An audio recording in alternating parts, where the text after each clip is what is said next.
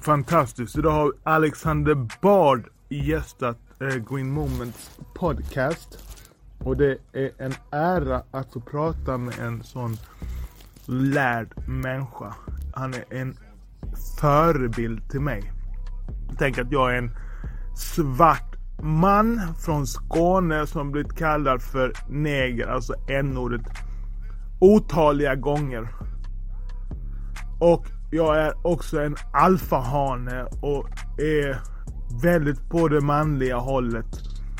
Och har varit väldigt sådär i offerrollen en stor del av mitt liv. Eh, vad, ska, vad, vad är detta med Alexander Bar? Jo, sådana som han som vågar prata från hjärtat och är så pass intelligenta och pålästa har hjälpt mig att komma ur min offerroll och istället gå in i att vara hjälten i mitt liv. Alltså om du skriver en bok, om du, om du skriver en bok och du ska skriva en bok, eller alla skriver en bok ska jag vilja påstå som lever. Och man kan själv bestämma om man vill vara hjälten eller offret. Just de här äh, etiketterna, hjälten, offret, är faktiskt något jag har fått lära mig. Jag bad under den här eh, podden, eh, alltså under podden vi hade. Jag har, lärt, jag har hört de här etiketterna tidigare, alltså hjälten och offret. Men, han, men när han berättar om det, där, bara lyssna så för, för höra och det spelar ingen roll, du har rätt. Det spelar ingen roll, det handlar inte om att ha rätt och fel utan det handlar om att leva och vara lycklig och nå sin fulla potential. Så det finns människor som har mycket sämre förutsättningar än andra människor. Men det spelar ingen roll. Du måste fortfarande välja. Ska du vara hjälten i ditt liv eller offret? Och bara en predikare och en, vad ska jag säga, jag tror han, eller han gör ett väldigt bra jobb faktiskt. Är att hjälpa människor att, att bli hjältar istället för offer. Så ja, nu ska jag hålla käften, jag ska prata. Jag pratar väldigt mycket i den här podden också, så jag får spola förbi. Här kommer Alexander Bard. Stort tack Bard. Eh, du är en riktigt, riktigt förebild. Och du är för mig så långt ifrån man, man kan vara från rasist. Om dina reformer slår igenom i samhället, då kommer det hjälpa svarta och andra grupper som kanske taktar efter i, i, i samhället. Jag ska inte säga, säga alla, inte, inte, inte alla svarta på individnivå, individnivå. Men svarta i det här samhället som mestadels består av somalier har fallit efter. Ligger efter. Jag föll efter i samhället. Jag låg efter. Och det är ett hundra procent ur mitt perspektiv beroende på att jag hade en offer, ett, ett offer, en offermentalitet. Och det betyder inte att det inte finns rasism. Men det finns rasism eller inte rasism. Inget. Jag vill, ha en podd som är precis som ett vanligt samtal. Mm. Eller som mindre inflytande. Jag vill ha flugan på väggen. Ja. Här, jag är nyfiken på dig så att det kommer att gå båda riktningarna. Det är lika så, det. Ja, underbart. Eh, var, var, var vi? Eh, Etiopien. Ja, Rasta. Ja, precis. Så, så, så, så min, vad ska jag säga, livsfilosofi, tro, religion, vad man nu kallar det. Det är att alla människor är Etiopien. Och det är vårt moderland. Liksom. Så jag har en enorm vördnad för Etiopien. Ja, ja, ja. Okay. Så, ah, ja. så ja, det är skitfett. Jag älskar mm. Etiopien. Jo, är jag med. Mm. Och det med eh, Sydafrika visste jag inte. Ja. Det är inte så stor grej. Ja, det kan bli så konstigt också. Ja, ja, ja det kan du. Ja, det har du rätt i. Ja. Det kan du. Men jag gjorde, jag gjorde en podd med lokal i veckan. Ja. Jag gick ut på svarta tråden. För ja. han skulle försöka framea mig. Det var ja. såhär, nej fuck you. Det här är ju helt osant. Det är inget samtal ens. Och det blev viralt. Så alla kids har sett det.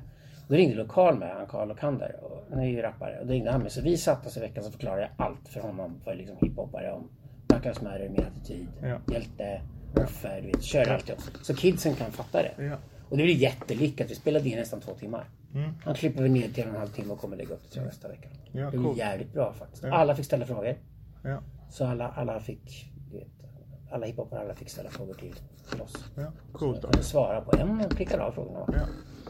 Ja, ja coolt. Det, det är sjukt. Eh, jag älskar de här ämnena för det första. Genus, rasism, eh, ras. Alltså, här, alltså du vet, vad ska vi, Ja, men prata, vad, vad ska vi prata om? Vad ska vi prata om världen? Alltså det är Men det. vi ska ju köra nu. Ja, det gör vi. Gör, vi kör. Vi är igång redan. Vi är redan igång? Ja, Jaha, okej, okej, Ja, okej. eh, Vi ja, bort ja, det och- Dum fråga, bra. Och, och Ja. Jag vet att du är privat med ditt liv, så du, ingenting i ditt privatliv, att du förstår, ingenting kommer med. Nej, nej. Och jag visar dig allt. Och så här, Nej, det- det är lugnt, det är lugnt. Jag litar på jag Den här svarta tråden, jag har haft en, en podd med han. Ja. Ja, Hur eh, gick det? Det gick bra.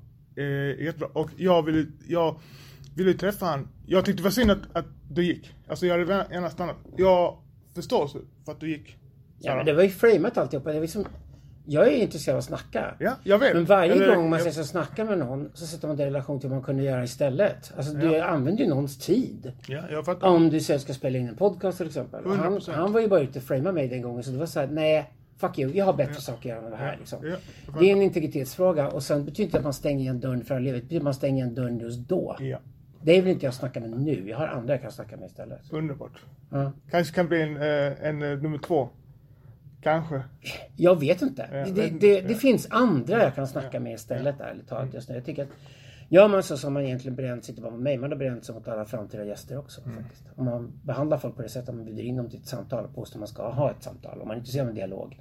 Och sen har man bara gjort allting som en framing där man liksom kastar massa skit och fördomar på andra personer. Och inte ens låter dem prata. Eller Mm. Tror inte han kan ändra sig då? Eller så att han kan det får vi se. Jag, jag stänger aldrig den dörren, men jag är inte intresserad av honom. Just det. Jag tycker han är den minst intressanta personen i världen för mig just nu. Jag tycker egentligen att alla andra är intressantare som... Till att börja med alla som är intresserade av genuint samtal är intressantare. Ja. Jag, jag har en författad mening. Men det, det, är- det är min, min, min, min varför. Varför vi är här idag typ. Och jag, Okej. jag, jag, jag tänkte, jag ska bara dela den. För jag tänkte kanske, då, det är att det, det är två, inte två, men det är grupper som är mot varandra. Det, det, det finns, det är ett, ett påhittat krig kan man säga. Alltså här, eh, du, hur ska jag säga? Jag tror absolut inte att du är, rasist. Alltså absolut Tack. inte. Alltså, det, det går inte ens Mycket vunnet bara med i, det. inte Ja, min, i, min hjärna. Alltså, färgblind. Ja, men, Okej. Rasism, jag, då tror man att en ras står över den andra rasen. Om det är intellektuellt eller eh, springa eller värdemässigt. Så här, jag är ingen expert på det, men jag tror absolut inte det. heller.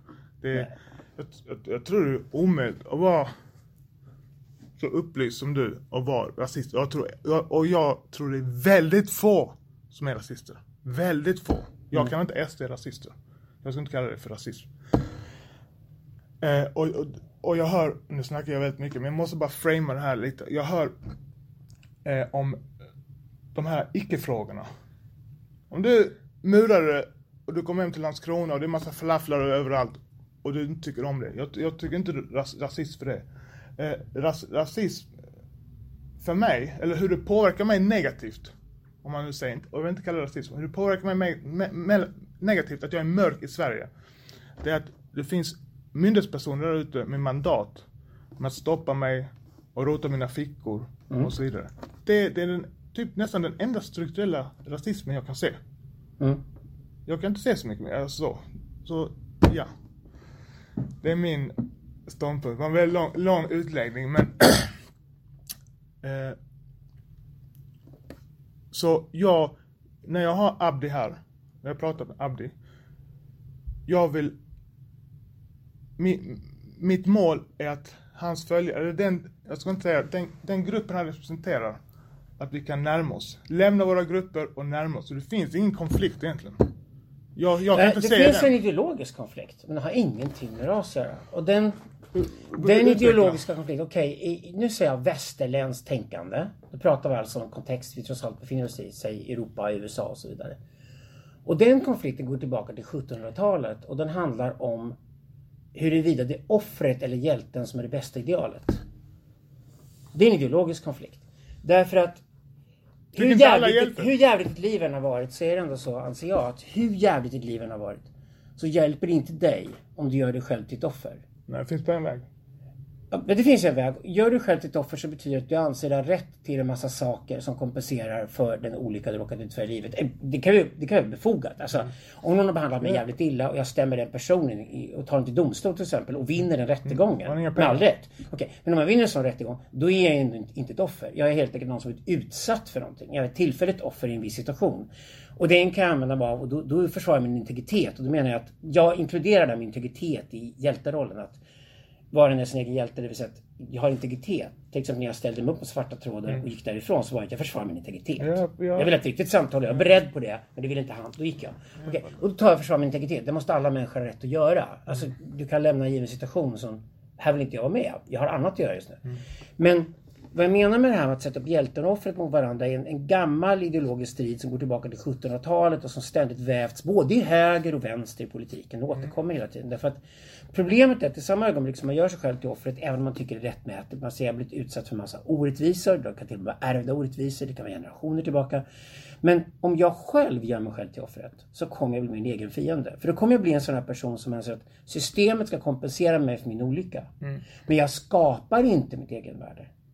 Så jag, poängen till exempel med att du uppfostrar dina barn. Du har själv en fantastisk, rolig, kul dotter med det här som är jättebra på teknologi till exempel. Du är en skitbra farsa. Alltså att man ger ungarna chansen att utvecklas i livet och ger dem en bra skola och man är en bra förälder alltihopa är så jävla viktigt som fundament. För då får de en hjältestatus inför sig själva. Att de känner sig starka. De vet att de kan ta hand om sig själva när de blir vuxna. Och sen går de in i vuxenroll och då kan de också vara starka. Och poängen är sen också kan man alltid diskutera. De som är starka och har tur och lyckas i livet bör rimligtvis dela med sig av det överskott de har skapat. Det är också en djupt mänsklig grej. Vi, vi går hem till stammen från början och delar med oss när vi har gjort någonting. Inte minst män delar mest till kvinnor. För kvinnor föder barn för fan. Så att det minsta män kan göra fan se till att gå ut i livet någonstans. och individnivå, men på samhällsnivå också. Men, där, men där, är, där är hjälterollen. Och hjälterollen anser jag att den är så viktig att försvara. Därför att det som är så slående i vår kultur idag är att vi har gjort oss så jävla beroende av staten. Vi betalar höga skatter, staten har enorma resurser och så har vi skapat ett system där det som var civilsamhället förut, här i Sverige är det extra slående, mycket värre i Afrika till exempel. I Sverige är det så att civilsamhället är nästan söndertrasat. Det finns inte de gamla föreningarna som folk gick till, det var inte så att man har träffat sina grannar regelbundet och saker. Utan allt är söndertrasat. Till, slut idag är vi nästan bara online eller också är beroende av staten utanför det. Så staten har ätit upp hela vårt samhälle. Och problemet är då, då ser, börjar alla se staten som en stor jävla tutte. Så sitter massa resurser. Och då har det visat sig att det är ganska smart att lägga upp en taktik där man säger att vi är en grupp och vi är offer. Och för att vi är offer ska vi kompenseras för att vi har blivit offer. Ja. Men då får du ett samhälle där massor med olika grupper går in i hårdare och hårdare konflikt med varandra om begränsade resurser. Där alla slåss om att få den där tutten-staten och få de pengarna från staten. Ja. Som någon annan sitter och skyfflar in Ja. skatter till. Och förr eller senare kommer det här systemet braka ihop. Det kommer inte hålla. Det är min ideologiska övertygelse som jag jobbar med hela tiden i mitt arbete.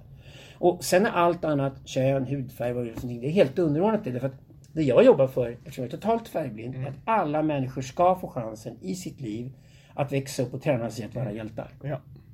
Jag, jag är 100% med dig och jag gillar den här tutte-analogin. Alltså där. Och jag jag vill säga till min dotter, lyssna nu. Alltså, du säger det på ett superbra sätt. Du sätter fing- fingret på det jag vill uttrycka. Eh, min Och det är ju kampsportare, Ja, det är uppenbart. Jag menar, jag skickar unga killar till kampsportslokalen och säger titta på mig, jag är bara en spinkel liten jävla gubbjävel. Liksom. Jag, jag kan gå och simma ungefär, det är allt jag klarar av. Men jättemånga killar idag som kommer till mig och är förvirrade och är 23 år gamla och vet inte vad som ska ta vägen. Jag säger, gå och träna i kampsport, möt andra män i en kampsportslokal, lär dig ritualen runt det. För det är ett bra ställe att lära sig vara hjälte. Ja, det är ett jättebra ställe det att är börja. underbart. Det är så ärligt också. Så fruktansvärt ärligt. Ja. Eh, jag, du, jag förmodar att du vill, du vill att få ut detta till andra, eller? Du vill, Ja, du, du ja, vill ja, att du, absolut. Du Ja, vill att ja. de ska ändra sig, från, gå från offer, hjäl, offerrollen till hjälterollen, eller hur? Ja. För jag har själv varit offerrollen. Jag, eh, min far var offerrollen. Det är väldigt vanligt bland svarta att ha den off, offerrollen. Ja, de tränas och ges den rollen. Det är så här, här har vi någon som kan sitta och tigga i ett hörn av vårt samhälle och tycka synd om sig själv. Och Det är, det är den riktiga rasismen. Det, det, det, Rasismen är alltid rasism om låga förväntningar. 100 procent. Ja, ja, du ser ut sådär, då klarar du inte av att leva det vi lever. Eller 100%. uppfostra barn som vi gör. Så du ska sitta i ett hörn här och tigga. Och det värsta är att när man satt och tiggde i ett hörn, då var det uppenbart att man var tiggare. Men när man gör det systematiskt Ja. Och det är staten som omdirigerar resurser. Och staten håller kvar det här högskattesamhället och pumpar ner Och så tar, tar du murarens skattepengar för detta. Ja. Och så han känner det i sin mage, det är något fel här. Ja, exakt. Det är något, jag kan inte uttrycka det som, som du. Alltså du är för mig en savant, ett geni. Du skriver sjukt mycket böcker. Jag älskar också att skriva. Och jag läser långsamt, jag vet läsa snabbt. Så det, Ja, men jag gillar kampsport. ömsesidig beundran. ja, Ja, det är bra. ja, men så. Så det är klart han, han röstar på SD. Jag har sån empati för alla svenskar som röstar på SD. Jag är tacksam för att de inte blir nazister. Så brukar jag, så uttrycker jag. Ja, jag står inte ut med deras varmkorvar däremot. Det var så Nej, jävla dålig smak. nej, nej men jag menar det på riktigt. Det är mitt. Och det är inte bara... Det är svåra Sverigedemokrater, deras hötorgskonst, deras varmkorvar. Ja, jag är det är så jävla dålig smak. Jag är inte, så- inte så här politisk, men jag fattar att de vill ha en förändring. Det räcker nu. Så, eh, och va, varje svart ledare säger exakt samma sak. Alltså i, Ja. i, i detta, det, det, det finns ingen som säger vänd dig på rygg och bli offer. Utan vi måste jobba hårdare. För även om du har rätt, även om du blir påkörd, här, du blir påkörd. Och så, du, du har rätt, han gjorde fel, det var enkelriktat, det var rött ut, det var allting på en gång. Du hamnade på sjukhuset. Eh, du har rätt, du, det finns en operation, säger doktorn, den kostar 10 miljoner. Du har inte de pengarna. Du, du kan bara jobba, det finns bara jobba. Det, det, det, är kanske taskigt, men det finns bara att jobba hårt med sin rehabilitering. Det är enda vägen.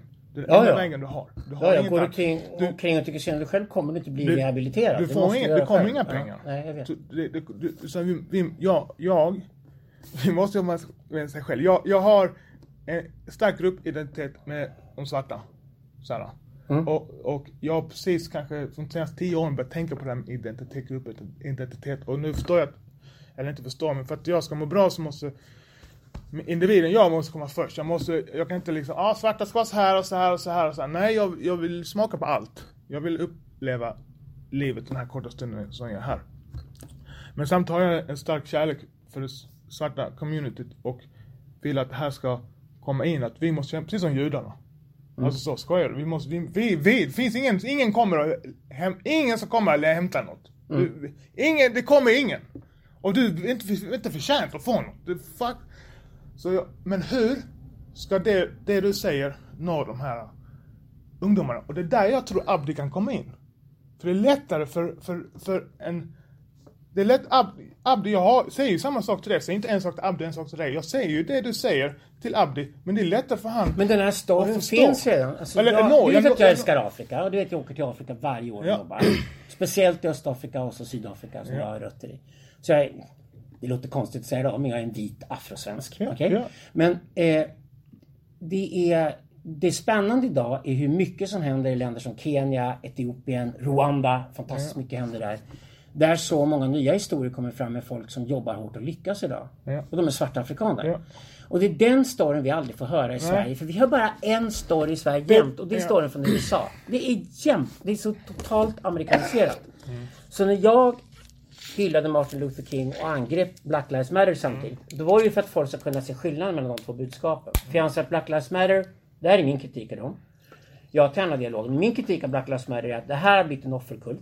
Medan Martin Luther King var en man som trodde på den svarta hjälten. Ja. Okej, så vi kan säga att, i alla fall, vi är överens om att det finns en skillnad mellan Martin Luther King på 1960-talet och Black Lives Matter idag. Och det här har gått åt fel håll för mig. Jag gillar, jag gillar Black Republicans, jag måste erkänna det. Jag älskar ju Candace Owens, Ja. Thomas Sowell, alltså jag följer dem jämt, sociala medier. Candace Owens säger hon får gärna bli USAs nästa president. Ingen skulle vara lyckligare än jag. Hon är fantastisk. Och när hon och Cardi B bråkar dessutom, hon tvålar Oj, oj, oj. Ja, men då är det så jävla... Är universal catfight. Det är så ultimate universal catfight. Det är liksom Candace Owens mot Cardi B. Men eh, den storyn som jag möter varje år. Eh, till exempel, jag har haft en afrikansk älskarinna och sådär. Hon, hon är skithäftig och bor i Rwanda nu. Och de killarna och tjejerna idag i östra Afrika som pluggar stenhårt och jobbar och använder ny teknologi och sitter med sin smartphone i handen och bygger nya företag och liksom har kraftig ekonomisk tillväxt i de här länderna och så saker. Den storyn kommer inte ut. Liksom. Den svenska medierna är helt besatta av att det bara är USA. Så mycket att... Och det är bisarrt, med all respekt för det som hände George Floyd. Men när George Floyd dog blev det demonstrationer på Sergels torg. Och sen blir det en 12-årig tjej i Botkyrka ihjälskjuten i Sverige och ingen demonstrerar. Det, det är helt sjukt. Därför att, Vänta om vi skjuter ihjäl barn i Sverige är det kanske då vi ska demonstrera i första hand. Liksom. Alltså, det här är inte okej. liksom. Nu fan krävs det resurser för att stoppa det. Men, men då, då, då tog man in den amerikanska diskursen som det heter, importerad till Sverige. Så Sverige är så jävla amerikaniserat så att det är ingen annan story som hörs. Och det som gör allra mest ont i mig Det är när jag träffar en ung somalisk svensk kille som vill snacka med mig och han står och pratar om sig själv som slavättling. Ja, Det är bisarrt. Men snälla vännen. Du precis som jag född i Afrika, kommer till Sverige Ja och sen ska du jobba hårt och lyckas göra sådana saker i Sverige. Du är inte slavättling. Det är en amerikansk story. Ja, det har du säkert gjort. och det har säkert släktingar som hamnade på arabiska halvön och var slavar och vi svenskar var jävligt duktiga slavhandlare för vi sålde en jävla massa ryssar som slavar till, till eh, ottomanerna liksom under antiken och, och senare medeltiden. Alltså slavhandeln har funnits i hela historien och gått i alla riktningar i alla kulturer. Men en somalier som kommer till Sverige idag som fått lära sig att han är slavättling för att han bara pumpats full amerikansk hiphopkultur och inte fått en tillräckligt bra skola som lärt honom vem han är, var han kommer ifrån och vad han kan vara stolt över. Det är jävligt allvarligt. Det här är det jag reagerar mot. Det här jag tycker är så jäkla fel. Därför att det jag är på är amerikaniseringen av Sverige. Ja. Och den amerikanska debatten flyttas hit och man desperat försöker hitta den här. För Black Lives Matter är ju trots allt en rörelse som handlar om svarta amerikaner Ja. och deras uppgörelse med- deras arv. Och den kan jag respektera, den kan jag respektera. Men vad har den i Sverige att göra? Vi har inte svarta amerikaner här. Vi har afrosvenskar i Sverige. Vi har massa andra svarta i Sverige. Vi har inte massor av svarta amerikaner i Sverige. inte alls. Så varför har vi tagit in deras debatt helt okritiskt utan att ha en egen diskussion? Ja. ja jag är... Ett, jag gjorde ett, jag gjorde ett inlägg om dig. Förlåt, 200 följare. Jag är en liten fin, jag finns i rymden jämfört med dig. Men, eh, och jag bryr mig inte om förlåt, inte det. Men jag bara tänker att jag, jag, jag gjorde ett inlägg där, jag kommer inte ihåg vad jag sa, men jag sa typ att, att chansen att titta med på den demonstrationen, Black Lives Matter demonstrationen. För jag, jag, jag, jag kan inte uttrycka mig lika duktigt som, som du kan, alltså, i talet så, alltså, och så här. Men jag känner en, en avsky, jag känner att det är något fel liksom. Det är något fel för den, den, den för det första, den, den svarta afroamerikanen, alltså från USA, det som håller tillbaka dem det är kulturellt. Det är inte rasen. Och- Exakt, exakt, och, och, och, ja, men det, det, alltså, och sen får man inte säga det om alltså du vet, när någon säger det, då, då jag blir, då blir jag svårt, jag får svårt att hålla mig tillbaks. För det är rasism. Det är ni, att ni säger att det är kulturellt, det är det som, det gör att folk dör. Folk skjuter varandra. Min far från Kingston, Jamaica, jag har varit, jag har varit där flera gånger. Fantastiska, fantastiskt, ja, ja. fantastiskt. Och du vet när amerikaner flyttar till, eh, till, till USA. Det är läkare, du jobbar hårt. Klart det finns en grupp som är kända att de är så här, nigerianer. Det är en av de mest framgångsrika De är ju fantastiska. eh, människorna i USA. Ja. Alltså på, av de svarta. Nigerianska invandrare i USA, de, de slår alla andra Men, invandrare. men vad är, de jobbar vad hårdare, vad- pluggar mer Men de är ju svarta. gör. Ja! Men varför, varför, hur, vad är det som skil- skiljer de här grupperna åt? Hur det, kan en det vara så är den duktig? storyn som inte berättas. Ja, och- och För det- ingen vill och- och inte berätta berätta historien om framgångsrika svarta. Och inte berätta den, det är rasism. Och Mm. det, är, det är högutbildade, jag ser en socionom, eller nå- något liknande blond som, som, som står och hejar på den här somaliern som säger att han eller som har det här amerikaniserade. Ja, det är, det är sjukt alltså. Det, Det största enskilda problemet det är kriminalisering av droghandeln i USA. Ja, det, Det är mest vita som tar droger. Mm. Okej? De vita köper drogerna huvudsakligen av svarta och hispanics. Som bor i fattigare förorter. Och där köper de drogerna. Och där är den kriminaliserad. Det betyder att de som ägnar sig åt droghandeln där, för att de ofta inte har någon bättre utväg i livet, hamnar i fängelse. Och problemet idag i USA är att svarta amerikanska kvinnor pluggar och jobbar stenhårt. Okej? Så de skaffar sig jävligt bra college exams. On to university. Liksom. De har lyssnat på sina morsor, de har pluggat hårt, jobbat hårt. Men om de vill gifta sig med svarta killar, vilket de flesta fortfarande vill. Då sitter var tredje svart kille i fängelse i USA. hemskt alltså. På grund av drogbrott. Och det här är en droghandel som vita människor håller igång för de konsumerar drogerna. Hyckleriet här är totalt. Alltså om du tar... Mitt argument mot Black Lives Matter var att istället för att ägna er åt ett krig om symbolerna borde ni gå rakt på pudelns kärna. Den enskilt största grejen som skulle hjälpa svarta familjer att fungera och ge svarta barn i USA chansen att lyckas i livet. Den dramatiskt enskilt största grejen ni kan göra, det slutar med the war on drugs. Ja, tack. Thaddeus Russell har tagit upp det i sin podcast med många svarta andra personer han har pratat med. Och han är väl lite USAs Alexander Bard. Vi har ganska liknande roller. Thaddeus och jag håller med varandra det mesta här. Men jag tycker han har gjort det lysande. Han har tagit upp att the war on drugs is a single worst enemy of black people in America. Ja. Och det är inte för att de svarta tar drogerna utan för att svarta är mellanhanden mellan mexikaner och sydamerikaner som pumpar in drogerna i USA och sen är de mellanhanden som säljer till vita. Vi har samma mönster i Sverige. Vi har samma mönster med gängvåldet och förorterna i Sverige med. Här ligger hyckleriet. om det, drogerna idag är den överlägset största delen av ekonomin som är svart. Och vi vet alla att svart ekonomi fräter sönder ett samhälle. Okej? De som håller på med svarta ekonomin har inte bett om att det ska vara en svart ekonomi. För det finns ingen säkerhet och trygghet alls om du är inom den svarta ekonomin. Det du kan göra i bästa fall är tjäna snabba pengar. Men i värsta fall blir du skjuten i huvudet. För det första som händer när en ekonomi lyfts utanför samhället och det inte finns med några domstolar, inga poliser, inga advokater. Det finns liksom ingen säkerhet, ingen trygghet runt det här. Du kan inte ringa polis om någonting händer. Det är att folk börjar använda vapen och skjuta varandra i huvudet när de slåss om vissa territorier. Vi har det här i Sverige också. Men i USA har du haft det här i decennier. I städer som Baltimore och Chicago och andra städer. Och det är klart att det är svarta män som hamnar i skottgluggen hela tiden. De blir mest skjutna, de flesta morden är mellan svarta män. Därför att det är territorialkonflikter mellan gäng som slåss om vem ska kontrollera droghandeln. Och allt det här är svart ekonomi. Okej. Min attityd är väldigt enkel. Så fort det finns en marknad för någonting så ska det legaliseras. Ja, bra uttryckt. Legalisering kan betyda att du tar upp 20 stycken olika molekyler som finns på en drogmarknad. Ja. Och så säger jag att två eller tre av molekylerna är jävligt farliga. Ja. Extremt beroendeframkallande, förstör folks liv. Okej. Vi försöker bekämpa dem. Här har du andra molekyler som det kan vara cannabis eller psykedelika eller andra saker. Det här är inte farligt. Det här dödar inte folk. Du kanske blir trög i skallen ett par veckor om du röker men inga permanenta skador. Eller beroendegraden liksom noll. Okej. Det är massor med grejer vi har kriminaliserat i Sverige och USA som vi kallar droger som är helt ofarliga saker.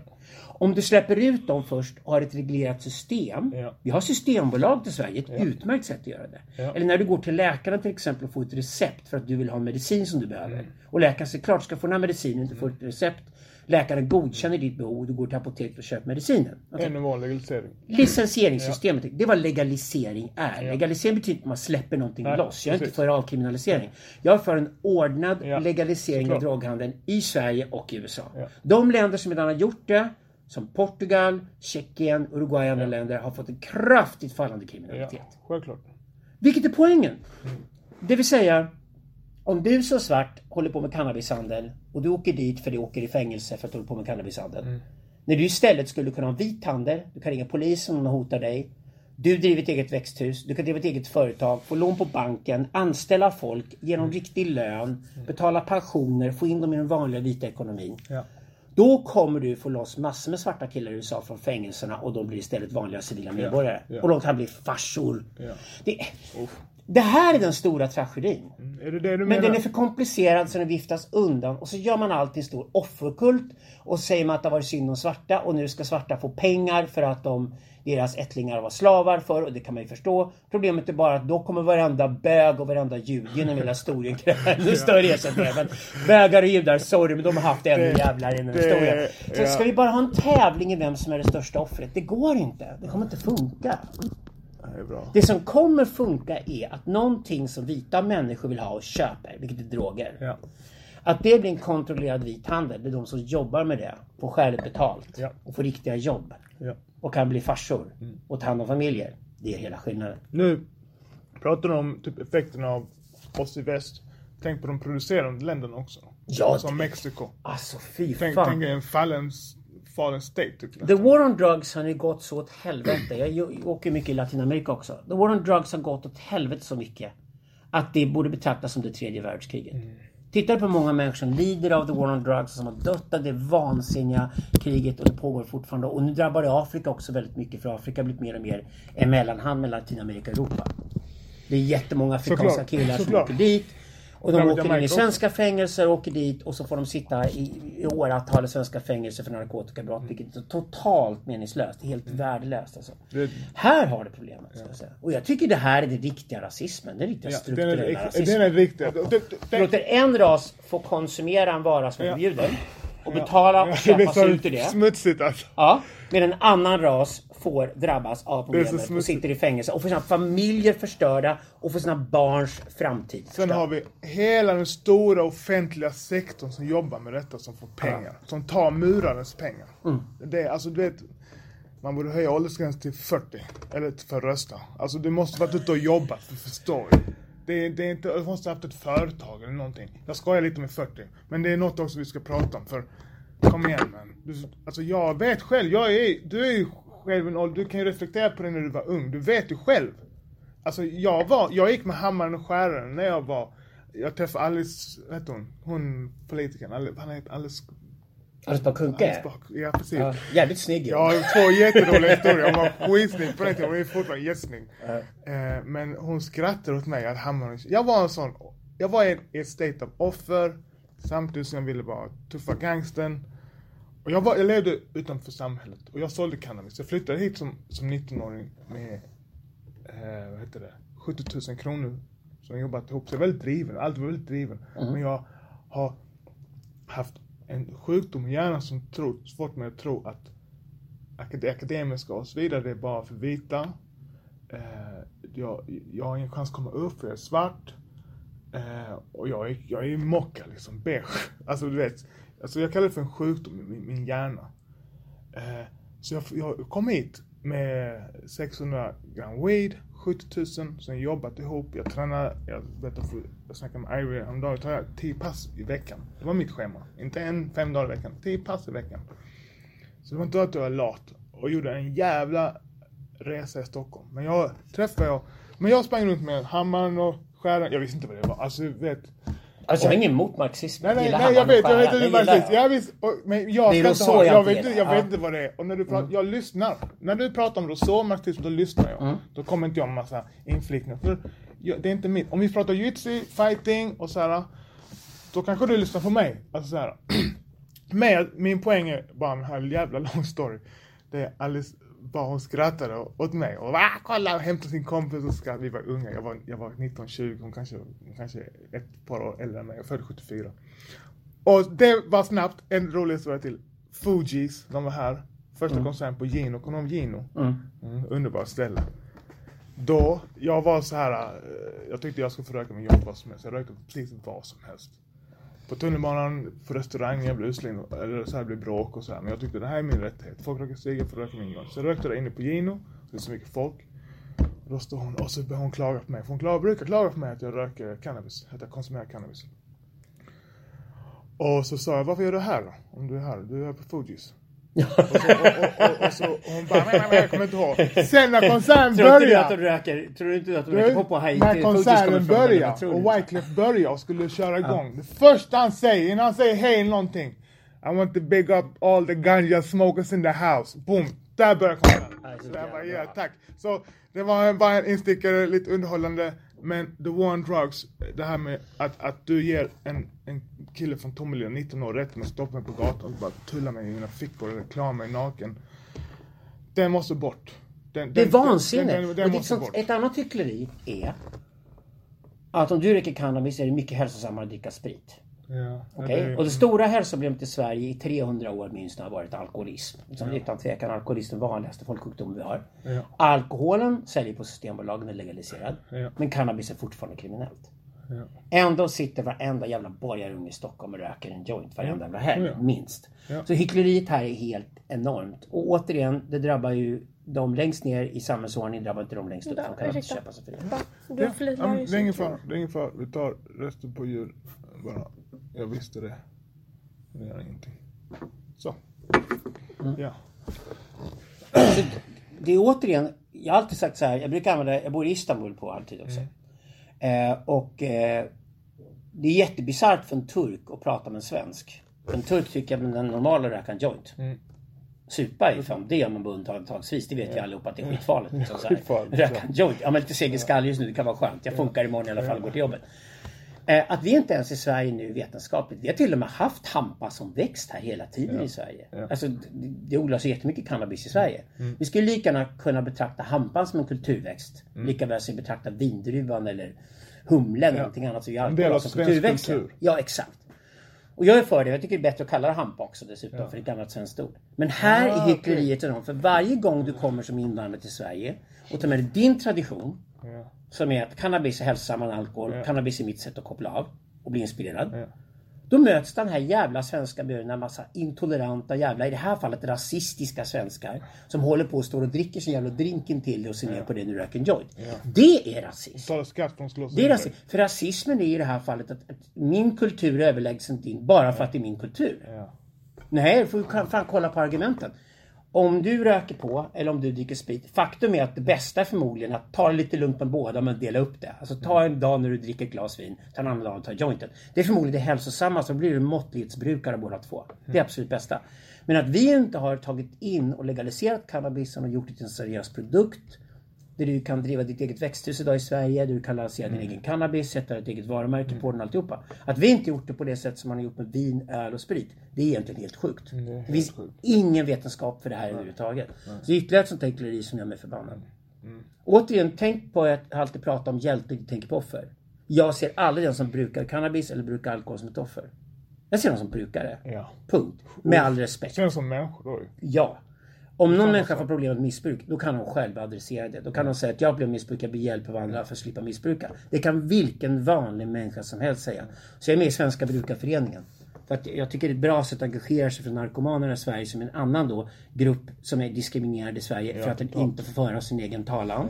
Och för att den kriminaliseras när det egentligen borde vara, det de håller på med borde vara legalt. Så, så jag tror att det är man ska ha en helt vetenskaplig approach till de här sakerna. Man ska kunna skilja mellan olika molekyler, olika preparat. Alkohol inkludera bland de andra och se vilka är det som har skadliga effekter på samhället på lång sikt och inte hålla på att moralisera de här sakerna. Och allt ska legaliseras. Det är målet, legalisera allting så du har allting under kontrollerade former. Och när någon kommer från en annan kultur och flyttar till Sverige och tar med sig cannabisrökning till Sverige istället för, för att slippa dricka spriten som vi har i Sverige. Då är det fan någonting man ska högakta och respektera och inte se ner på. Ja. Nu förstår du varför jag inte gillar Sverigedemokraterna för att jag hatar varmkorv.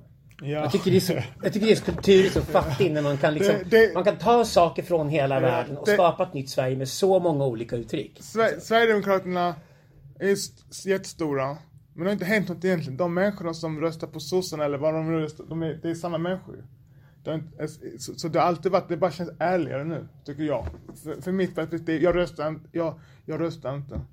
Och jag har en, jag kan, om, om du är intresserad berätta varför, jag till och med, jag typ kör en kampanj, rösta inte på de jävlarna. Ja, Jag har två grejer jag gillar. Jag gillar både den nya vänster och den nya höger. Jag gillar inga gamla partier. Jag tycker riksdagen lösas heller. ut. Okej. Jag har gått med i Medborgerlig Samling som är ett liberal-konservativt parti. Det här är intressant.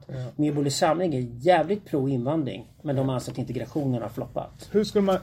De kan, skilja, kan man skilja mellan Alltså- invandring och integration har man mycket vunnit. Jag vet inte. Vad, jag, jag kan, jag, förklara, vad, vad är det? Okej, hur har du vet ut integration? För här heter det integrationsproblem. Vadå, man kan inte tvinga folk att leva, jag vill inte leva bland svenskar. Hade det funnits ett svart kvarter, ett amerikanskt kvarter, hade tusen procent jag levt där. Ja. Jag vill bara, vad, vad? Nej. Så, Man kan, ha, man kan ha stadsdelar där alla ser likadana ut, eller stadsdelar man vill ha det. Storstäder genom historien gillar jag. Jag är kosmopolitan, därför jag gillar Istanbul. men vad är integration 15 då? Vad är det som har Nej, integration betyder ju bara att alla i ett samhälle får lika chans. Det är vad integration ska lyckas med. Ja, men, Du ska ju inte komma, bara för att du kommer från en viss stadsdel, ser ut på ett visst sätt, så ska du vara diskriminerad när du vill försöka lyckas i livet. Det är en integration när har floppat. Integration betyder att bara unga från en viss stadsdel kommer kunna lyckas att göra den här resan för att komma hit. Det är en integration ja, floppar. det är sant. Det är därför Medborgerlig Samling idag får massa nya medlemmar som är invandrare i Sverige men fattar att integrationspolitiken har floppat för de förstår skillnaden. Så att invand- Jag är pro-invandring och det betyder att alla som kommer till Sverige och har ett jobb fixat i Sverige Ja. eller har en utbildning som saknas i Sverige. Det, det går att få ett jobb hur lätt som helst. Och du kan fixa en egen bostad, klara din egen försörjning, få komma in i Sverige. Ja. Har du anhöriga med dig som du tar ansvar för att försörja, ska du få komma in i Sverige. Det är jag helt för. okej? Men att däremot flyktingmottagningen svällde här runt 2015 och stack iväg som fan. Och vi tog in betydligt fler flyktingar än vi hade resurser för. Mm. Och vi kommer nu skapa problem i Sverige som kommer ta decennier att lösa. Det var fullständigt oansvarigt av politikerna. Ja, För de okej. blandade ihop två saker. Det ena är invandring och det andra integration. Kanada tar emot Kanada och Australien tar båda emot mellan 250 000 och 300 000 invandrare varje år. Ja. Och klarar av det. De till och med lever på det. Det är två av världens rikaste, mest produktiva länder. Det, det, det är en skitbra modell att titta på. Sverige skulle kunna ta emot en stor invandring om vi såg till att just invandringspolitiken fungerar. Det vill säga att integrationen måste fungera. Och att skilja integration från själva invandringen tror jag är nödvändigt. För att när ett land som är nya till att ta emot många- invandrare inte har klarat av det Sverige, som Sverige inte har gjort. Just därför att man direkt när invandrare kommer till Sverige talar om för dem att de är offer. Man låser in dem i flyktingförläggningar. Ja, man ger alltså. dem massa bidrag. Och man ger dem inga jobb. Men hur i helvete ska de Det klara var sig bootcamp då? första månader, tre månader bootcamp. Det går inte ihop. Nej, det, det är hemskt och fel. Alltså, och Mm. Så jag det- kan förstå Sverigedemokraterna men jag håller inte med dem. För jag är inte emot invandring per se, som de är. Det Medborgerlig Samling är att de är ett nytt högerparti som säger att invandring är toppen men den, det släpper igenom alla som omgående funkar i Sverige. Men för de som behöver hjälp att fungera i Sverige måste man bromsa eh. tills integrationen fungerar. Är inte Sverigedemokraterna så att de vill att hela Sverige ska se ut som Gotland? Typ? Eller Öland eller något sånt. Att det ska vara så här Nej, men de har ut. konstig dröm om ett Sverige förr i tiden som inte längre finns. Det har Miljöpartiet också. De håller på med nostalgi bara. De- Och det är inte ens ett Sverige som någonsin har funnits som man på drömma om. Nej, nej, ja, alltså jag har ju, jag, jag, alltså ja det är så Men jag svårt. gillar Nya Vänster också ska jag säga. Ja, okej. Jag, jag, jag gillar Nils Littorin och Malmpartiet. Marcus Allard och Europartiet. Vill Det finns de, flera eh, nya lokala partier. Det finns en ny de- vänsterrörelse i Sverige som inte är ett riksparti än. Ja. Men de är för arbetarna. Och de tar en klassanalys. Okej, de tycker att staten fortfarande ska vara stark i Sverige. Det skiljer sig för mig. Men de tycker jag är superspännande att snacka med och ha en dialog med. De, kan, de, de, de, de fattar vad jag håller på med och jag fattar dem också. Så det, man behöver inte vara höger för att lyssna på vad jag säger utan man kan välja att vara vänster. Men, men, men nya vänstern heter de? Det kallas nya Kallas- vänster. kallas Malcolm men- men- till exempel. Malcolm också. vet du vem det ja. Han är skitsmart. Ja, han är jävligt smart. Han är riktigt Men, men jävla är han bra. för ett högt skattetryck och hela den Ja, mycket högre ja. Är han det? Ja, det är.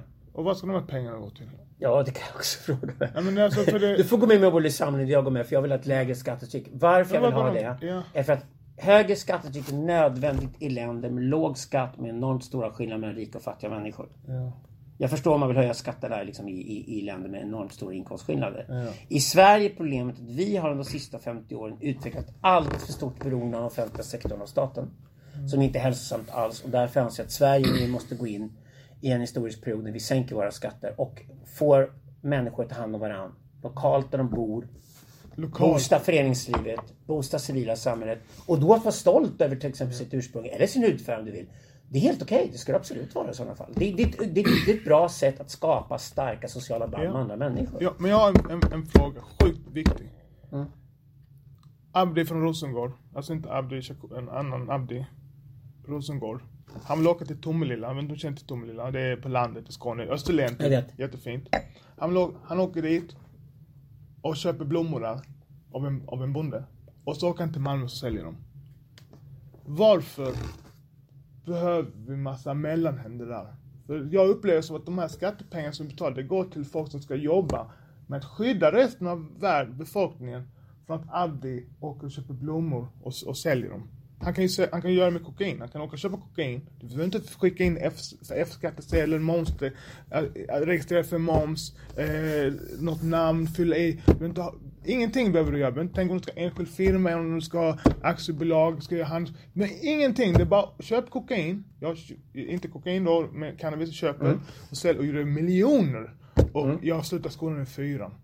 Alltså så. Så det, så, det, så Ja, men problemet är, Så- att, men problemet är det, om du, om du kör svart ekonomi som Inte det är. svart. Den är inte svart. Utan den är bara att det är klart du får göra det. Ja, det blir svart men så fort det är kriminellt. Jo, jo, jo, jo, men säg att, varför kan inte det vara lagligt då? Varför kan inte han få köpa Jo, det ska blommor, vara blommor, lagligt. För blommor om det är och- lagligt är han ju också skyddad. Det vill säga om du åker mellan Tomelilla och Rosengård och, någon säljer kan blommor. stoppa din bil och skjuta dig i huvudet för du är kriminell. För du är, Jo, det är gängvåldet ja, gör det. inte- det är ju inte vad som händer ja. när du är svart och Fast kriminell. inte drogerna. Jag anser att de trycker ut antidroghandeln för det är så komplicerat att sälja tulpaner. För du måste ha alla de här blanketterna och registrera. Och du vet när de frågar dig på Skatteverket, hur mycket ska du omsätta? Hur mycket jag ska omsätta? Jag, jag kommer ta i för, för allt jag orkar. Men fråga inte hur mycket, hur mycket, jag vet inte. Kanske en Men det miljon. där kommer lösas. Va, va, Det kommer lösa med Varför text- ska ett text- café ja, ha text- samma regler som Espresso House? Ja, men om ett litet café, Ja, men du vet, House... finns techstartups för det här idag. Ta Cool Company till exempel som hjälper Ja. dig fakturera om du är egen företagare. Ja, Nästan är alla grejer som gör det jobbigt för dig att driva eget företag kommer försvinna. Därför att du kommer helt enkelt ha techtjänster du kan anlita istället. Som det Ja, ja, ja, men, men Det håller på att bli mycket, ja, mycket Och enklare. de här kommer, tror jag, innovationer för att komma runt byråkratin. Ja. Ja, ja. men om inte ja. byråkratin hade funnits där då? För Och viss byråkrati måste du ha. Den är för mycket vi- för dålig då. Men det- en viss byråkrati måste du ha. det måste vara, det är sant. Men, Ja. men kan man inte ha ett samhälle som är mer eller mindre ekonomiskt dynamiskt? Alltså att det är enklare. Typ på Jamaica, om, vi ska öppna- om vi ska öppna en hönsfarm på Jamaica idag. Vi öppnar Ja. idag. Nu är det öppet. Sen efterhand så insök, vi öppnar en bar. Det är sant, du hänger upp en bar. Du, du ska söka tillstånd. Du ska också. Men, men det är inte så här mycket byråkrati. Det är väl väldigt enkelt för dig att öppna upp. Jag håller med. För, för det är alldeles för mycket byråkrati i de har Sverige. Ja, ja. Abdi har lågt självförtroende. Ja, jag med. Men om jag, om jag ska vara djävulens advokat och försvara det svenska systemet här. Det är, jag vill inte gärna vara det, men man ska vara det. För jag tycker det är alldeles för mycket byråkrati och administration i allting i Sverige. För staten är för stor. Och det enda, det enda staten hittar på när den blir stor är att den anställer ännu fler administratörer som hittar på ännu mer skit de måste svara på. Vilket, det är jävligt jobbigt att driva företag i Sverige för det är så jävligt mycket administration. Jag håller med om det. Men om jag nu är djävulens advokat och försvarar systemet. Så är det också så att Systemet finns där, för byråkratin finns där för att också skydda dig så att dina intressen är skyddade. Det är det som gör att du kan gå till polisen och polisanmäla någon när de, när de be, beha, behandlar dig jävligt så att dina affärer inte går att genomföra. För problemet om du öppnar en hönsgård någonstans där det inte finns något skydd i det samhället alls. Och du kan öppna hönsgården och sälja äggen från dag ett. Men rätt vad det är kommer en maffiasnubbe komma farande med en stor jävla pistol, sätta mot ditt huvud och säga jag ska ha procent av alla pengar du tjänar på dina ägg. Men kan, För jag, annars, annars har du inget beskydd. Och har du inget beskydd måste du ge mig pengar. men kan dock, ja, men polis ska vi ha. Jag tycker Ja, men polis är också byråkrati. Ja, det, men nu är jag för byråkrati. Men, Ja. men vissa är... Jag med. Våldsmonopol Det får gärna vara mindre. ska Ja. de ha. Ja. De ska ha Ja, våldsmonopol. ja. Alltså jag kan... rätt. De, de får hämta Jag det. sa att jag var djävulens advokat. Ja, ja. Så, så det... det Jag är det, helt för polisen. Ja. Men jag är däremot inte för att det sen, och så fort du är företagare i Sverige, kommer massor med formulär Du- där det står så här. du- vi utreder jämlikheten på din arbetsplats Du- och därför måste du fylla i 500 det frågor är med liksom. skattepengar de gör det på. Det är klart han röstar. Eh, tack för att, Göran för att, inte, för att du röstar på SD och inte gått till FNR eller vad fan de heter. Och jag, eh, de här med röda, eller gröna. FMNR, vad heter de? Jag kan inte. Ja men det är, en- det är en sån, verkligen extrem. Jag är väldigt försiktig mot rasism. Ja, okej. är Ja, ja, ja. verkligen. är- Ja, jag känner Kasselstrand. Han, är, Så. han har sin agenda. Ja. Men, men okej, jag, har, jag har en firma som håller på med någonting, ett aktiebolag, ska ändra verksamhetsbeskrivning, göra verksamhet, boom, boom, boom. Eh, och ska ändra till grön grönyteskötsel och så vidare. Det är ett bolag som jag har. Jag gör allt med min bror. Och vi har varit företagare i 20 år plus. Och då får jag först ett brev att de ska komplettera. Och det är ett sånt jobbigt brev. Jag orkar inte läsa. Jag är akademiker och jag var bäst på universitetet i min klass och så. Jag är inte din standard alls. Jag förstår det. Men jag, jag, och jag läser mycket böcker och jag, jag, jag, jag, jag, älskar det. Så jag, så jag kan läsa detta. Men jag har inte tid och ork. Jag pallar inte med. Vad ska hon fråga mig? Vad, jag ska göra grönyteskötsel nu. Om ni, ni, ni behöver ingenting. Ge mer information från mig. Då så, så la jag det åt sidan. Då fick jag ett nytt brev. Ja, vi ska av- förväntas svara på det.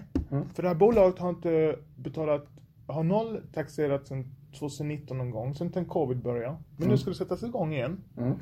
För jag har ett annat, jag helt annat rimligt, bolag. ja. Jag har ett helt annat bolag. Så jag, så jag har flera, ett, ett Tjeckien, ett England, ett annat svenskt som jag, som jag jobbar med. Så det är bara, jag vet att du är aff- affär, eller entreprenör också, du förstår. Jag har ett bolag, så jag kommer använda det. Jag använt det, ska öppna i ok- oktober. Då hotar hon, eller inte hotar hon, får ett brev, ett till brev, detta är andra brevet. Nu ska de, så- säger om du inte svarar, eh, står förhandsbesked och sånt. Nu ska avregistrera för moms och F-skatt. Jag kan inte driva, driva bolag utan de två sakerna, jag måste ha de Nej. två sakerna.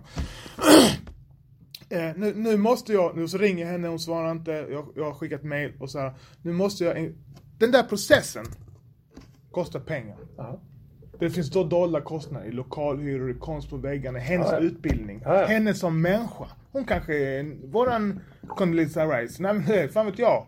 Hon kanske, hon kanske kunde göra något bättre Mm. med, med, med, den här dyraste resursen som vi kallar för människa.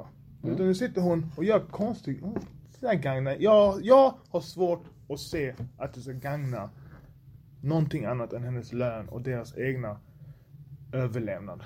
Så fort du har börjat anställa administratörer i ett system kommer de administratörerna hitta på ny jävelskap som du måste svara på. För annars har de ingenting att göra, annars har de inga jobb kvar. Och de kommer garanterat se till så fort de får chansen att titta på så mycket skit och så mycket för dig att göra som företagare eller som medborgare. Att de blir fler. Ja. Att administratörerna växer. Så fort du tar in administratörer i ett system så kommer du få det problemet. Det gäller på företag också. Många företag går omkull För att de till slut har så jävla mycket administration att de knäcks av det. Ja, men det, det, Och det värsta är när administratörer på företag möter administratörer från myndigheter. Och de upptäcker att vi är beroende av varandra. Så vi ska hålla varandra jävligt det är det här sysselsatta. med jämställdhets och man ska Ja. eh, jobba med jämställdhet i företag. Det, det, Allt det, handlar om att fixa till allting så att världen blir god enligt de standard som du aldrig ens har skrivit under på. Och det, det jag är ledsen över, att jag, den här Göran som jobbar hårt, som verkligen ser till så att vi har ett bra Sverige, för det är bra. Mm. Alltså vi har gått, det är underbart när vi går här. Mm. Det är fucking paradiset. Inga skjutningar, och mina barn är friska. Det, men han Göran, han jobbar hårt. Och så, och, och så är han SD och jag är Black Lives Matter och så ska vi bråka liksom. Vi, vi jobbar hårt. Det, vi ska bråka mot våran drugs, den här byråkratin. Att när jag ska göra, säga att jag ska jobba med trädgård, att jag inte ska hålla på och sitta med massa papper. Att Abdi kan köpa, att det ska vara så enkelt. Det, det finns smarta människor med som kan, men på en låg nivå. Om du har tusen anställda förstår jag att det måste vara mer byråkrati, koll och så här. Speciellt om du serverar hundratusentals luncher eller tusen luncher. Men har du lite café, varför kan du inte ha din skollåda? Varför ska du ha den här specialkassan? Nu är det nya branscher som är inblandade. Som ska jobba med ditt påhittade skit liksom. Det finns, det finns ingenting som gynnar konsumenten, kunden. Det är, företaget är här för att skapa värde ju. För att du ska göra ditt liv bättre för någon annan. Om jag kan ha en glasslåda där. Jag har min loppis, jag behöver inte ha någon Det är därför jag snackar om hjälteoffer hela tiden. Därför att i samma ögonblick som ett samhälle påstår att det finns offer i det samhället som är, ska hjälpas för all framtid, för de kan inte klara sig själva. När du är satt i system, då kommer du skapa byråkratier runt hur du ska omfördela resurserna och resurserna ska hamna hos offren. Det är vad du kommer göra. Och då kommer du skapa incitament i det samhället för att alla vill göra sig till offer. Därför att det är det snabbaste och lönsammaste sättet att ta sig fram. Det är den farliga utveckling vi fått i Sverige.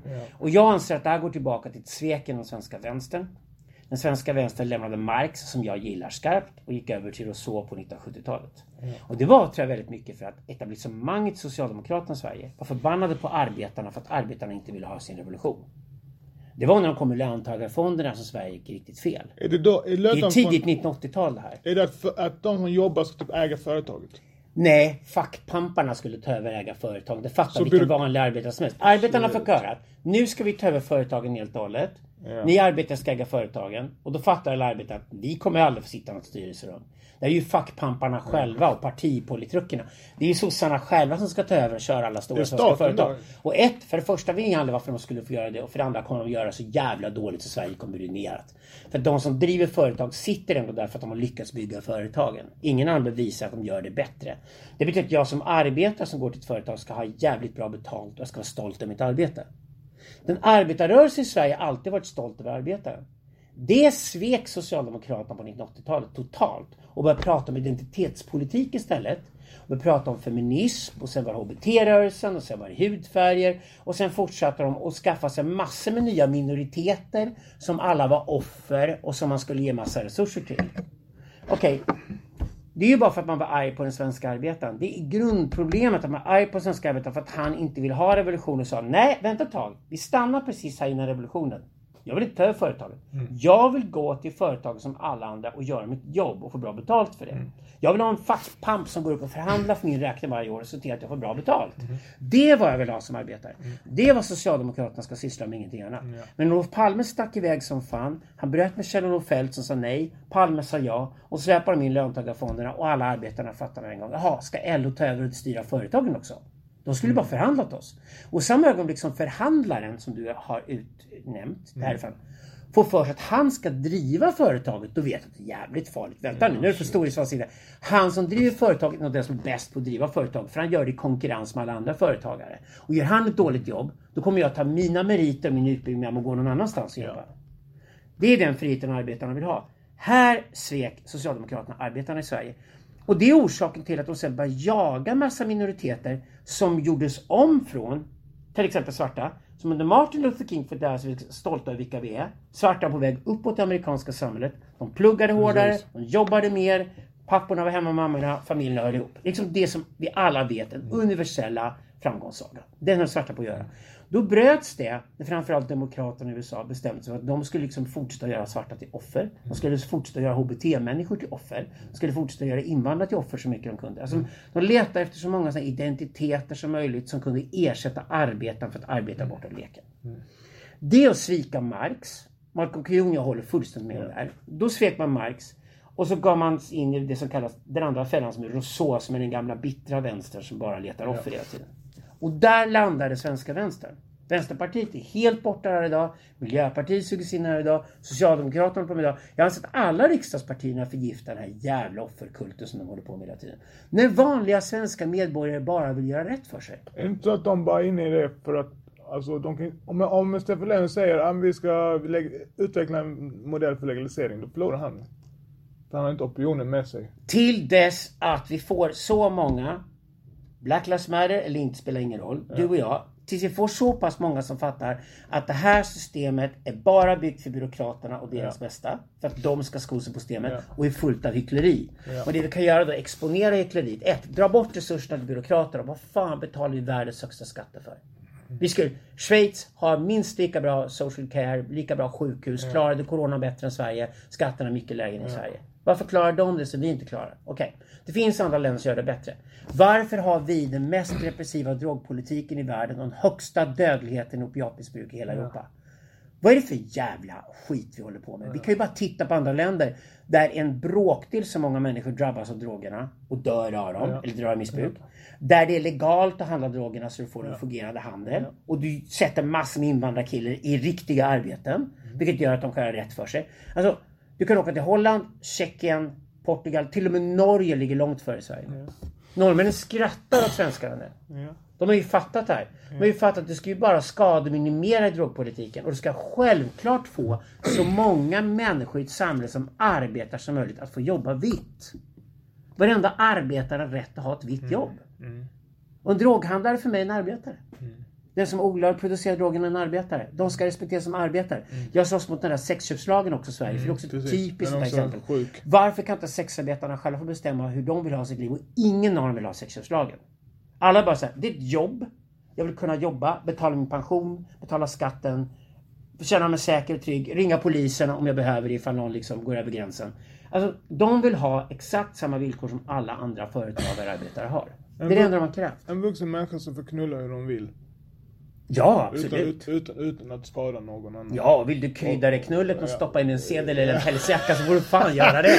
Vad har staten med det att göra? Det, Det ska inte och, och det igen, det är lägga Göran sig i. skattepengar. Ja. Jag säger Göran för jag ser en sån Ja, murare. ja, det är hårt ja, jobb. Ja. För att ha så här fint samhälle, du vet.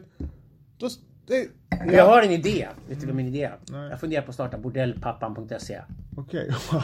Och sen ska Okej. svarta killar få sälja sex till, till vita svenska kvinnor. Är vänta, Jag tar noll kommission. Ja, Okej, shit alltså. Ja, Lek med det. ja. Noll kommission jag lovar. Däremot tänker en kamera i rummet Ja. och en socialdemokratisk kvinnlig politiker Ja, det är sex. fantastiskt. Det hade varit fantastiskt. Ja. Den filmen vill jag ha. Ja, så jävla hyckleri pågår alltså. Jag, jag har en grej, det var, som vi snackade med, med dig om.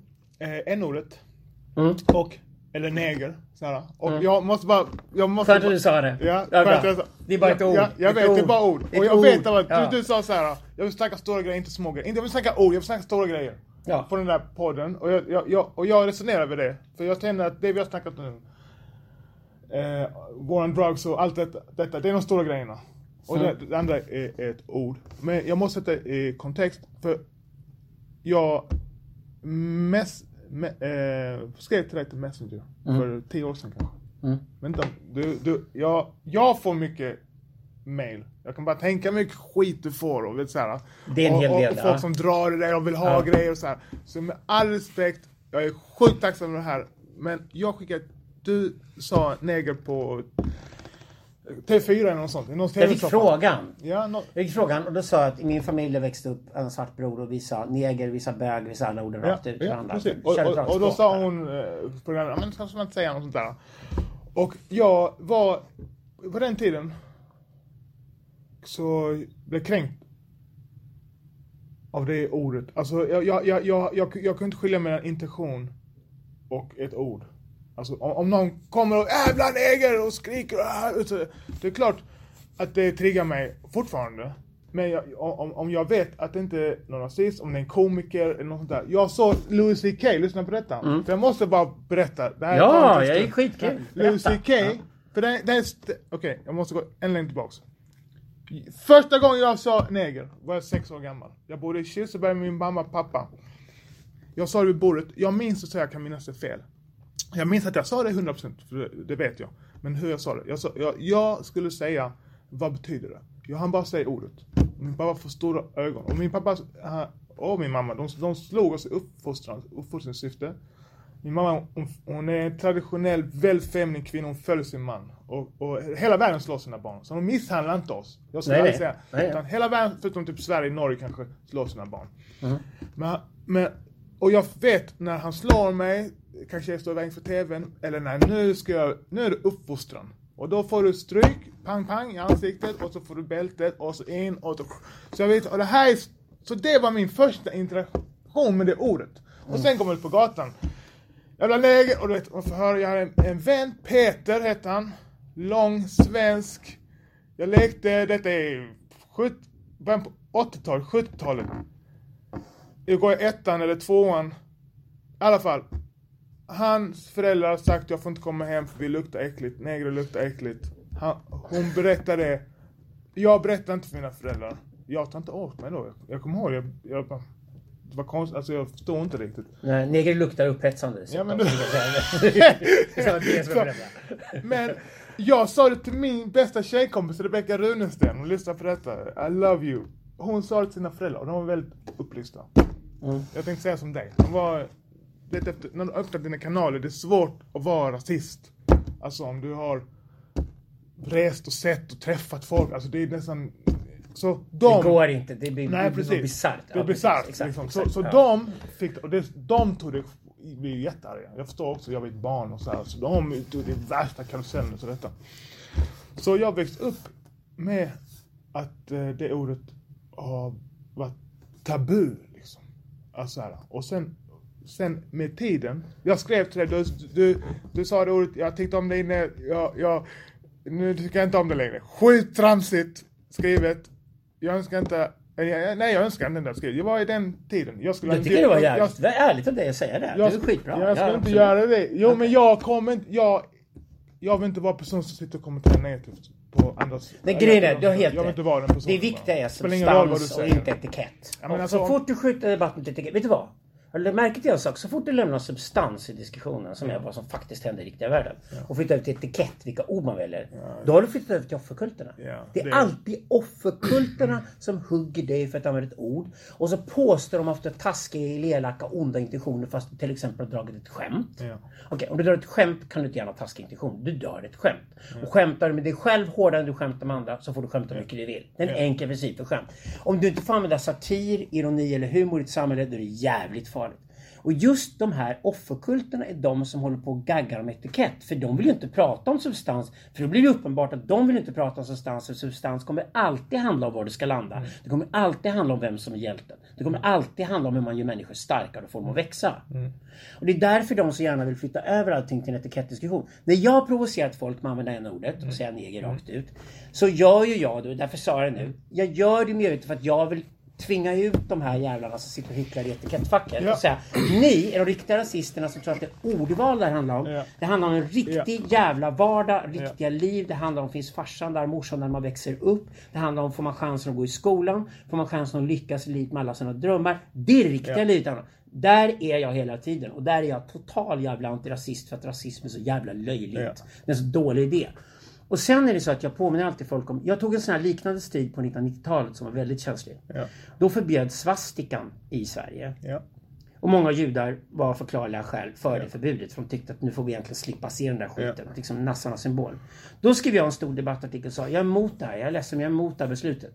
Därför att ett, nu gör ni det för evigt till en symbol för nazisterna. Ja. Du kan inte ändra på någonting. Två, svastika är en universellt förekommande symbol som i många kulturer som i Indien används av jainister, hinduer, buddhister hela dagarna. Det här är ingen symbol som nazisterna i Tyskland på något sätt ägde. De snodde symbolen under 30-talet i många andra kulturer. Vad gör ni då när indier kommer till Sverige och de inte får bära sin vanliga t-shirt? Det här blir helt groteskt helt enkelt. Ni har inte tänkt efter konsekvenserna. Och nummer tre, vill ni lösa problemet med att nazisterna sitter på svastikan. Då ska de bara låta en stor jävla hög transsexuella gå längs Hamngatan med stora guldsvastikor på sig och högklackade skor. Så har ni dödat nazisterna suger efter svastikan. Det är så du vinner kulturkrigen. Och problemet jag har med att n-ordet gjort sitt nytt svärord, för det var gjort. Vi hade fan och jävlar och satan för i Sverige så var de inte så kraftfulla längre och alla sa det igen. Och alla säger fan jävlar och satan, till och med religiösa människor säger fan jävlar och satan. Det är ju bara så att n-ordet har ju liksom gjort för de svenska medelklasskyrktanterna till ett nytt svärord. Som man får inte säga för det är fult i mun att säga det. Nej, det är det inte. För det första, okej, jag respekterar det. Jag behöver inte säga n-ordet, jag kan säga andra ord som svart. Det går alldeles utmärkt. Därför är det så att n-ordets ursprung etymologiskt är från spanskan. Spanien var en stor slavmakt, det är sant. Men spanska är ordet negro, negro betyder svart. Och det är till och med det ordet som sitter kvar i namnet Nigeria, som är det stoltaste landet i hela Afrika idag. Eller grannlandet Niger. Så det är så att negro och niger, nigre, används av afrikaner själva för att ge, dem, ge namn på dem själva och kultur de har. Så att sitter du i en spansktalande kultur, då kan jag inte säga att problemet finns. Det visar sig då att varför vi gjort neger till ett fult ord i Sverige, för vi importerar problem från USA. Ja. Det är ordet negro, med berättigade skäl, anses jävligt känsligt. Okej, då har vi bara importerat det till USA och rens, rensat Astrid Lindgren-böcker från negerkurbordet och sådana saker, vilket är bisarrt. Återigen har vi tagit in ett amerikanskt problem, gjort det till ett svenskt, uppförstorat enormt, enormt mycket, blåst upp det skitmycket. Du vet ju det här, för om din farsa kom från Jamaica, då var det ordet negro han reagerade på. Ja. Det är inte vad vi bråkar om i Sverige när vi säger n-ordet. Här bråkar vi om ordet neger i Sverige. Ja. Okej, Som ett annat ord. ja. Ja. Det är inte jag som ska använda ordet först. Jag får dra skämt om det. Jag tycker alla kan få använda ordet, inte det. Jag säger hellre än ordet för det är bekvämare. Okej? Men jag ser redan idag att det kommer vändningen i svarta kulturen. Vi som till slut är judiska kulturen måste man behandla svastikan annorlunda för det är bara en symbol. N-ordet är bara en symbol. Titta till exempel på HBT-rörelsen gjorde med orden bög och flata på svenska. Det var fula ord från början. Man skrek bög och flata som skällsord efter folk på gatorna. Tills de på 1980-talet sa nej, vi tänker kalla oss bögar och Ja, flator. börjar för, jag, Först ska vi kalla oss det själva. Ja, själva precis. Sen kan ni andra börja kalla oss det. Och så kommer det till en punkt där alla säger bög och flata och det är helt bekymmersfritt. Det är det som kommer hända med n-ordet med för att du säger redan nigga idag. Ja. Med stolthet i spelar- Cardi B prat, rappar om sina niggas alltihopa. Okej, då är det fortfarande svarta människor som använder ordet. Det är sant. Men det är ju bara en tidsfråga när det kommer bli accepterat. Ja, för det är också bisarrt. Du kan inte ha ett ord som en grupp får använda och en annan grupp får använda. Det blir väldigt, det blir det här, väldigt tvärtom världen. Ha inte bannlysta ord överhuvudtaget. Alltså, om ett ord är ett skällsord eller varit ett skällsord kastas på dig, ta upp det. Ja. Bär det med stolthet. Ja. Okej då, ni kallar mig det. Då är det då. Nu ska ni få se på... ska ni fan få se på hur kraftfullt För, det blir grejen för mig, det hämnade mig väldigt mycket. Att, att jag undvek platser, människor. Det, om, om, typ, om vi var typ, om vi Det är jobbade värsta som kan hända. Och du bör undvika platser du är rädd för att gå in på för att du... För att någon ska säga ordet dig. Inte skrika, det bara säga det. Bara säga det. Så nu är jag inte det längre. Och du vet, jag säger bara, jag kan ju säga det rent ekonomiskt. Jag har en, jag har en businesspartner idag som använder n-ordet och skojar med jag, vet- Han vet han är inte rasist. Jag behöver inte tvinga mig själv till att bli Nej. förolämpad. För jag kan uppleva att många av dem tvingar sig till att bli det. Utan jag vet han är inte rasist. Och även om han är rasist, han står inte i vägen för mig. Han, jag uppfattningen att låt folk vara rasister. Det är vad jag säger. Det är ungefär som om judar skulle säga att du får inte säga jude för det är j-ordet. Men du måste säga hebrea istället. Alltså, Så, så sen, men sen samtidigt har jag, har jag också, har jag samtidigt, om vi skulle till exempel vara ute, om vi skulle gå ut en kväll och du skulle använda n-ordet, det här neger, eller så här, och inte vara en person, om det var andra svarta, att du använde n-ordet, alltså sa n-ordet, alltså inte neger, utan n-ordet. Då hade det gjort mig obekväm, för det, det kan ju sluta sjukt illa. Alltså med det går att säga slavättlingar. svart också. Ja, exakt. Det är det jag menar. Så det blir så här, det är precis som, du har rätt att gå ut naken, men jag vill inte gå ut med den naken, för det blir för mycket uppmärksamhet. Ja, alltså det blir jobbigt. Så, Ja, men, min, min, om min kamp har aldrig varit för att rätt använda ett ord. Jag tycker att var och en får ta ansvar för sin egen tunga och så får folk använda vilka ord de Ja, vill. Det är en det är enkel regel tycker jag. Det är inte det det handlat om. Min, min grej har varit att offret, offerkulten här och etikettsbesattheten här hänger ihop. Ja. Och det är fienden för mig. Det fienden för dig också. Det fienden för oss allihopa. Det är inga människor som vinner på att sätta sig i de här etikettsbråken. Nej. Och prata om tonalitet, etikett och påstå att man är ond för att man använder fel ord. Jo, det är Jävla hemskt. bullshit. Det är hemskt. Och det hänger ihop med offerkulterna. De två grejerna hänger ihop. Det är väldigt rousseauianskt. där, så en marxistiskt perspektiv eller liberalt perspektiv så skulle jag säga, då sätter mig hellre här och säger nej jag tror att alla människor mår absolut bäst av att de var med i en hjältehistoria. Ja. Och att varenda familj i världen är Ja. hjältar. Liksom. Och det man ska göra. Och då pratar man substans. Ja. Och då säger man så här. Okej, så använder fel ordval, det skiter jag i. Och vet du, vet du vad det här värsta med ordvalsbesattheten är? Nej. Det har alltid varit ett sätt för medelklassen att trycka ner arbetarklassen. I alla jävla kulturer. För arbetarna är alltid lite fula. Och arbetarna är lite fula mun och drar lite för råa skämt. Och använder det alla ord som de ville. Och det har alltid varit ett sätt för medelklassen att trycka ner arbetarna och säga Det är så jag upplever Ni får det. inte vara med i våra salonger. Ja. Och du ni använder fel ord. Du sätter fingret på det. Det är så upplever det. Jag upplever, jag skulle säga, det känns fel i magen. Och det är den här medelklassen. Vad är det Mm. de gör alltså? Så jävla nervös. Eh, hej! Eh, men Alexander, vi ska avsluta Mm. här. Jag, igen, jag, jag köpte din bok igår. Eh, Nej, jag tänkte ge den till dig. Ja men, ja, men jag köpte en ljudbok, du har ju skrivit flera stycken, säkert inte den. Ja, ja. Eh, heter den? Techno... Nej? Det är en ljudbok. Okej, ja. Eh, den är från, var den från 2017 eller något sånt. Du skrev den med din, eh, vad heter din kompis? Jan Söderqvist. Ja. Jag håller på med sjätte bok nu. Sjätte bok. Jag, Ja.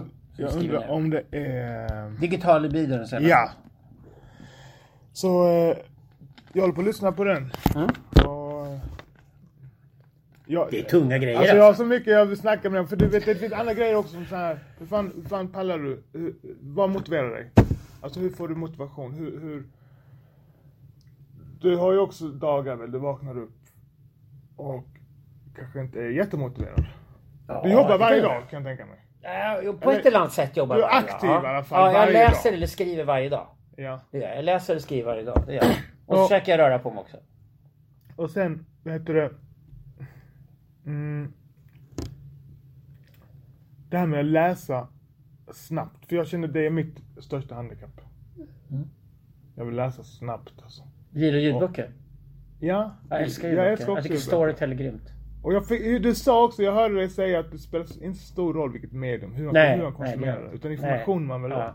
Jag, jag tänker inte på att jag författar att jag skriver en text som hamnar i en bok som trycks. Det skiter jag fullständigt i. Jag tänker på att jag sätter ord på någonting som sen andra kan läsa så kan de ge svar på det. Ja. För jag, ja, det känns betryggande. På, av, av någon anledning så, jag vet det, jag värderar det du säger väldigt mycket. Så, så det, Detsamma. Det, det är som ett råd, så det var som ett betryggande. För det spelar ingen roll om jag får informationen via en ljudbok eller via en text.